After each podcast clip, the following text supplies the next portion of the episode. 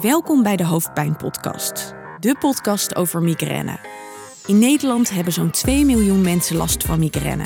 Dit kan een behoorlijke impact op iemands leven hebben. In het Leids Universitair Medisch Centrum doet de onderzoeksgroep Hoofdpijn onder leiding van hoogleraar Gisela Terwind onderzoek naar migraine. In deze serie ga ik, Annemiek Lely, met verschillende onderzoekers in gesprek. Wat is migraine precies? Welke verschillende vormen zijn er? Hoe kan het behandeld worden? En wat doet de onderzoeksgroep hoofdpijn nou eigenlijk?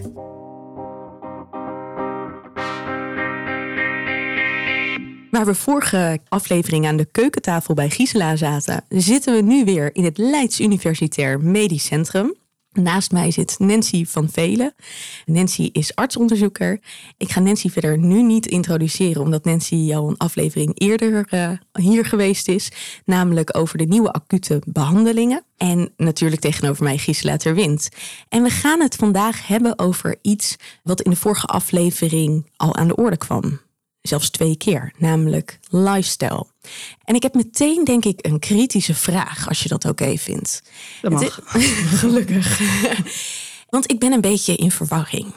Het is namelijk zo dat als ik naar de afgelopen afleveringen luister, heel vaak hoor dat heel veel triggers nog niet bewezen zijn. Dus daarvan zou ik denken: oké, maar wat kan je dan doen aan je lifestyle? Tegelijkertijd kwam het in de vorige aflevering twee keer ter sprake dat het aanpassen van je lifestyle heel belangrijk is.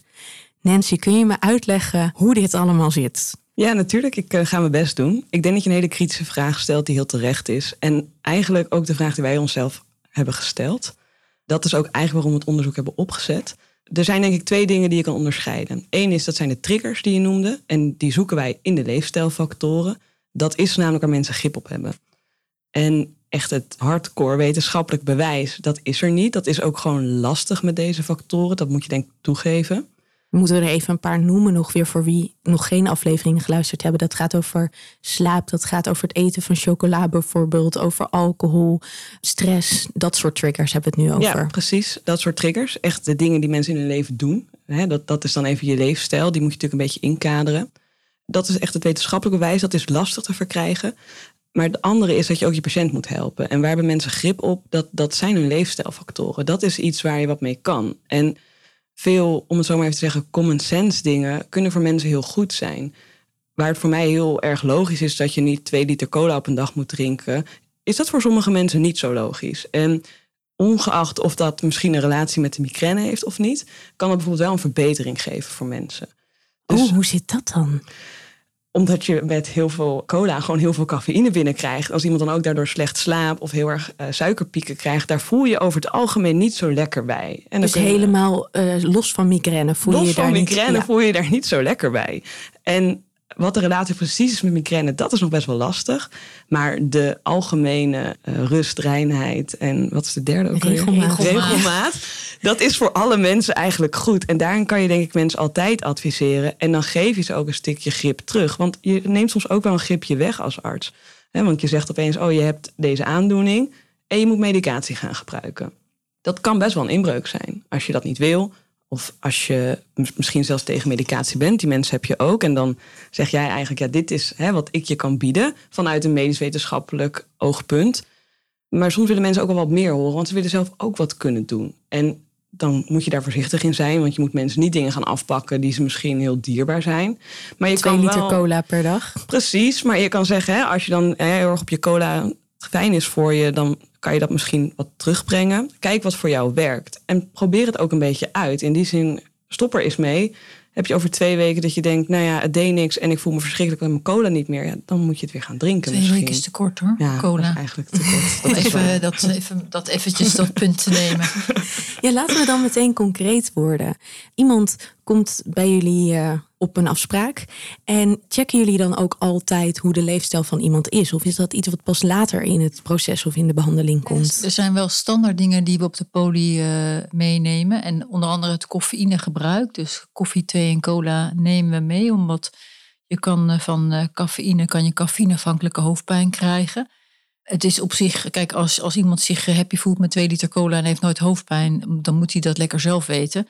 Maar wij krijgen natuurlijk mensen die veel last hebben van hoofdpijn. En dan blijkt dat als je heel veel cola of koffie drinkt, dan kan dat juist de hoofdpijn in stand houden. Dus dat is zeg maar nog niet empirisch aangetoond? Ja, dat is wel empirisch oh, dat is wel aangetoond. empirisch ja, Ik denk aangetoond. dat cafeïne een voorbeeld is. Daarom is het ook lekker om die even te noemen. Dat is eigenlijk heel evident. Dat eh, te veel cafeïne kan leiden tot meer hoofdpijn. Ja. En je ziet, je ziet soms dat wij jonge mensen krijgen. Soms hadden we ook wel scholieren die dan eh, in de pauzes Red Bull dronken. En dan wisten de ouders eigenlijk niet eens dat ze dat dronken. Ik had zelf ook kinderen die dat eh, bleken te doen zonder dat ik het wist. Want dat kochten ze dan voor 25 cent bij de lokale supermarkt. Eh, en als je dat dus niet weet als ouder, maar zo'n kind ontwikkelt wel heel veel hoofdpijn.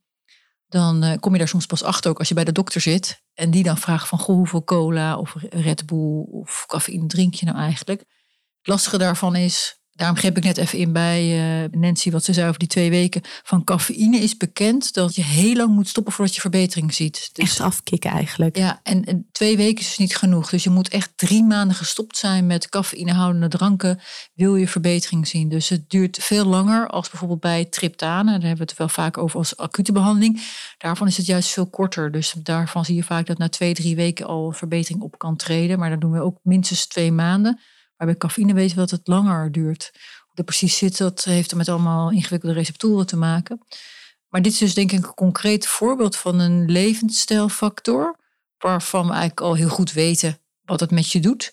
En nogmaals, een kopje koffie of cola is helemaal niet erg als je niet veel hoofdpijn hebt. Maar het moet wel binnen de perken blijven. Dus dat is heel praktisch iets wat Ja. we nu al toepassen in de kliniek. Ja, en het is inderdaad een heel concreet iets wat je zelf kan doen. Daar kan ik me wel voorstellen dat nou ja, zoveel mensen, als het, juist als het over migraine gaat, het gevoel hebben dat ze er geen grip op hebben. En ik wil niet zeggen nu hiermee dat daarmee je migraine weg is. Maar het is meer inderdaad wat jij net ook zegt, Nancy, dat je een soort van grip kan voelen. Wat natuurlijk heel fijn is om te ervaren. Eh, Mag ik nog iets over Ja, zeggen? Want wat, wat, wat ingewikkeld is met die cafeïne, is dat het ook tegelijkertijd kan helpen voor je hoofdpijn. Hè? Wat we in het verleden wel eens hebben gehad, dat we mensen lieten afkicken van de medicatie. En dan kwamen ze terug en zeiden ze, ja nee, ik heb die pijnstillers niet meer nodig. Maar ik heb gemerkt dat ik nou een flink sterk kopje espresso neem. Als ik migraine heb, dat helpt heel goed. En dan verplaatst eigenlijk hun, medicijngebruik naar heel veel cafeïnegebruik. Dus cafeïne werkt dus ook voor je migraine. Het is helemaal niet raar als je soms denkt van... oh, ik neem een, eh, even goed flink kopje koffie... want ik heb een milde migraineaanval, het werkt. Zolang het allemaal maar met mate is. En met mate is dat je twee, drie cafeïnehoudende dranken per dag... dan ben je meestal binnen de norm. En zie je dan ook dat op die manier, want dan is het eigenlijk een soort van zelfmedicatie wat iemand doet, Ja. dat, dat het dan ook makkelijk boven het hoofd groeit, dus dat het ehm, meer wordt? Ja, Dus- dat kan dus. Dus ik heb, ik heb wel eens een keer een man gehad en die zei... Ik zal echt nooit vergeten, die man. Ik zei, hoeveel eh, koffie drinkt u per dag? Ja, vijf, zes, zeven kopjes per dag. En als ik stress heb, dan drink ik, zei die, dan drink ik het eens kraanwater. En toen zei hij, ik heb veel stress. dus toen zei ik tegen hem, we moeten misschien maar eens drie maanden stoppen. En die man die zat te huilen bij mij in de spreekkamer. Omdat Ach. hij zei van het, dat ik dan geen koffie kan drinken. Ik heb, ja, ik, ben, ik heb dat zo hard nodig ook om te kunnen functioneren. En toen drie maanden later kwam hij terug. En toen kwam hij eigenlijk alleen maar terug om te zeggen van... eh, die hoofdpijn was helemaal weg. Oh, jeetje. kwam alleen maar, hij kwam eigenlijk alleen maar vertellen van... ik ben beter en ik, wou, kom toch, ik, kom, ik hoef verder niks. Ik kom alleen maar om te vertellen dat toch een heel goed advies had. Want die kon me nog zo goed herinneren dat die man had zitten huilen. Dat ik ook dacht, oh wat doe ik die man aan dat hij geen koffie meer mag. En hoe geweldig die opknapte. Dus, Maar hij zat echt in een visieuze cirkel, Ja. als ik het zo hoor. Ja, Ja. ja. Wat zijn nog meer factoren waar jullie eh, ja, op inspelen of wat jullie adviseren? Nou, een van de factoren waar we ook op inspelen is slaap. En de precieze relatie is wel een paar keer aangetoond. En dan vooral eh, dat je een dag-nachtritmewisseling, dus nachtdiensten eh, of een jetlag, dat lijkt toch wel een mogelijke trigger of een leefstijlfactor te zijn die het in elk geval niet ten goede komt. Daar hadden we het in de vorige Ja. aflevering ook over. Dat de vorige aflevering ging over werk en migraine. En dat op het moment nou ja, dat je bijvoorbeeld verschillende diensten moet draaien. En eh, bijvoorbeeld inderdaad ook nachtdiensten. Dat je toch zelf het gevoel kan hebben dat dat triggerend kan werken. En dat het dan goed is om daarop in te spelen. Ja, precies. Ik zit even te denken welke we nog meer uitvragen. We hebben ook wel een vraag over zoetstof, maar dat blijkt toch wel heel moeilijk. En dan kom je eigenlijk al meteen aan waarom lijfstijl soms zo moeilijk kan zijn. Mensen weten niet waar dat allemaal in zit. Dat is ook wel eh, lastig. Ik denk ook dat je niet van je hele hè, van onze groep kan vragen. Kijk nou eens op elk etiket of daar zoetstoffen in zitten. Dus we merken al dat dat eigenlijk best wel lastig is. Om daar nou echt straks een harde conclusie uit te kunnen trekken. Hè? Daar gaat het dan om. Misschien wel grappig, omdat uh, mijn dochter die heeft ook migraine. Hebben we, uh, hebben we wel eens vaker besproken. En, en we hebben haar ook gehoord in de podcast. We hebben haar ook gehoord. En zij vulde ook die triggervragenlijst in. En toen zei ze na twee maanden tegen mij... oh ja, die limonade die ik altijd drink, dat, dat is toch zonder suiker. Daar zit een zoetstof in. Ik ben twee maanden vergeten om in te vullen dat ik zoetstoffen gebruik. Oh ja. Dus dat was zo typisch. Ik had ook helemaal niet aan haar gedacht, uh, aan gedacht om tegen haar te zeggen... ja, die limonade die je drinkt, daar zit ook zoetstof in. Dus zoetstoffen, dat wordt heel veel genoemd door patiënten. Daarom hadden we die meegenomen. En we merken nu eigenlijk dat dat heel moeilijk is om uit te vragen. Omdat heel veel mensen het eigenlijk niet goed invullen. Omdat ze niet weten waar allemaal zoetstoffen in zitten. En dat is bijna, nog even terug naar het cafeïneverhaal. Met groene thee een beetje hetzelfde. Want dan vraag je aan mensen, hè, gebruik je, of eh, drink je regelmatig koffie of uh, energiedrank? Nee, dat doe ik niet. En groene thee? Ja, eh, en best wel veel. Dat heb ik ook één keer een, een heel verontwaardigde een deelnemer gehad. Zei van ja, maar ik moet nu invullen dat ik dus heel veel thee drink. Maar er zat ook energiedrank in dat rijtje. En ik vind dat eigenlijk niet eerlijk. En toen ben ik dus gaan opzoeken. Ja, de cafeïnehoeveelheid is wel, en met thee is wel echt vergelijkbaar in de twee. En dat is toch een stukje onwetendheid van mensen ook. En wat natuurlijk logisch is. Maar zo zie je wel dat misschien soms levensstijlfactoren heel moeilijk zijn om goed uit te vragen. Ja, en, ik kan het me ook zo voorstellen. Ik ben zelf echt een theedrinker. ik ook. En, en op een of andere manier voelt groene thee altijd heel gezond. Zeker. Maar ja, als je dit dan weer hoort. En ik denk dat toch veel mensen daar. Kijk, cafeïne zijn mensen wel bekend mee. Maar theïne is echt wel iets wat uh, nou ja, minder bekend is. Ja, ja. En ook voeding. Hè? Dus er zijn uh, heel veel vragen over voeding. En uh, er is ook heel veel komt ook heel veel in het nieuws over ketogeen dieet bijvoorbeeld. En dat dat goed zou werken voor migraine. Maar als je diep kijkt in de literatuur en wat er van bewezen is, is er eigenlijk nog helemaal geen bewijs dat als je je dieet aanpast, dat het dan voor je migraine effectief is. Dus wat wij zien is dat er soms mensen enorme maatregelen nemen in hun voedingspatroon, zonder eigenlijk dat er goed bewijs voor is. En ik denk dat het op zich helemaal niet erg is als je om wat voor reden ook een keer een ketogeen dieet wil proberen. Maar ik denk dat is best wel een heel strikt dieet, heel zwaar om te volgen. Als je het goed wil doen, dan moet je het ook echt heel precies doen. Dus echt niet makkelijk om zomaar te volgen. En ik denk dat, de, dat je dat soort dingen moet doen als er wat meer bewijs voor is. En tegelijkertijd zien we een enorme wildgroei van organisaties en hulpverleners die zeggen dat ze lifestyle doen. En lifestyle coaches. En dan wordt ook soms enorm ja, eh, heel erg positief gedaan over dit soort diëten of allemaal maatregelen die je moet nemen zonder bewijs. En dat vind ik wel gevaarlijk. Want dat is weer echt het zelfdokteren. En, en nou, daarbij... los van het zelfdokteren. Ja. Ze gaan zelfs soms naar een dokter toe. En die dokter die, is dan, die noemt zich dan zelf lifestyle coach. En die doet dan allerlei beweringen. En als je niet heel diep in de materie zit, dan, dan kan je daar heel moeilijk doorheen prikken. Dan zitten we weer bij de desinformatie van Joanneke. Ja, ja, Kant uh, in een van de afleveringen over uh, huisartsen. Ja. En wat misschien goed is om te noemen is dat er zullen vast wat mensen die zeggen van maar ik weet wel een paar studies die zijn uitgevoerd met bijvoorbeeld dieet of andere leefstijlinterventies. Dus hè, dat je dingen verandert in iemands leefstijl. En waarom het nou zo, misschien is het wel goed om even toe te liggen, waarom is het nou zo moeilijk om dat leefstijl onderzoeken. Iedereen doet het. Waarom kunnen we dat nou niet? En wat daar een heel belangrijk in is, denk ik, en ik ga het proberen zo makkelijk mogelijk uit te leggen, is dat als je tegen een groep mensen zegt: jij moet een ketogeen dieet volgen en een andere groep doet het niet. Net als dat je eigenlijk medicijnen zou onderzoeken. Dat klinkt heel mooi, maar er is wel maar een selecte groep mensen die zich ook werkelijk aan dat dieet gaat houden. En dat zijn waarschijnlijk mensen die al veel meer bezig zijn met hun gezondheid, mensen die dat al belangrijker vinden. Het is per definitie een andere groep mensen dan die zegt: joh, dat dieet na twee dagen, de groeten, het lukt me niet. Of ik, uh, heb, ik heb het drukke baan waardoor het me niet lukt. Het is waarschijnlijk een andere groep. Dus als je dan uiteindelijk gaat kijken aan het eind van de rit, na een jaar bijvoorbeeld, wat is dat nou het effect?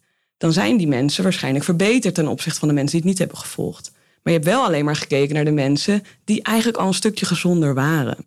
En dat maakt waarom leefstijlonderzoek echt verdraaid moeilijk is. Want dan is dus de vraag of het effect wat je mogelijk ziet, ook daadwerkelijk van die interventie komt. Precies. Ja, precies. Ja, oh, dat is ingewikkeld. of ja. zit je te kijken naar mensen die dat gaan volgen en daarmee ook zeggen, nou, ik ga regelmatiger slapen. Ik ga meer sporten bijvoorbeeld. Ik ga minder cafeïne drinken. Er gaan vaak heel veel knopjes om bij mensen. als ze zo'n leefstijlinterventie doen.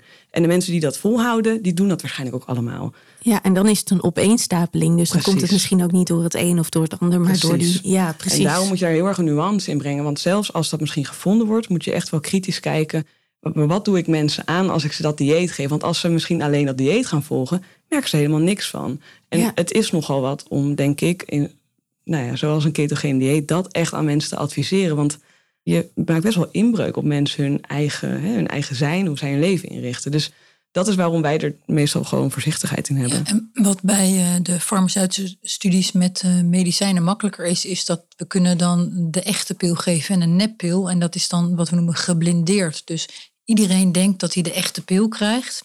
En daarmee heb je een heleboel bias eigenlijk. Dus dat is wat Nancy uitlegde. Dus andere bewustzijn factoren van, ja, ja. heb je uitgeschakeld. En je kan, je kan je voorstellen, je kan niet iemand een ketogeen dieet aandoen en een ander een nep ketogeen dieet, terwijl die wel het idee heeft dat hij nog steeds ook het ketogeen dieet volgt. Dus dat placebo-effect, wat je eigenlijk eh, wel in Dan zou je met een soort van zondevoeding bijna moeten werken. En dat is Nou, natuurlijk een heel grote. Nee, wat je Ja. soms kan doen is je kan bijvoorbeeld de ene een ketogeen dieet geven en de ander een minder strikt ketogeen dieet, maar bijvoorbeeld een koolhydraatarm dieet. En dan, maar dan heb je dus nog steeds wel een interventie. Ja. Hetzelfde hebben wij bijvoorbeeld met de, de WAT-studie, met de hormoonstudie eh, die we doen. Waar we het ook eerder over hebben gehad, waarbij de ene helft van de patiënten anticonceptiepil krijgt en de andere vitamine E, omdat we niet er een placebo-groep kunnen doen. Dus dit soort studies zijn altijd wat lastiger. En dus zeker bij leefstijlfactoren, is precies wat Nancy zegt, is echt lastig om het goed te onderzoeken. Ja. Zijn er factoren waar jullie een indicatie van hebben, doordat jullie dat gewoon heel veel in de praktijk terug horen, waarvan jullie denken dat moet nader onderzocht worden? Of wat jullie misschien ook al nader onderzocht hebben?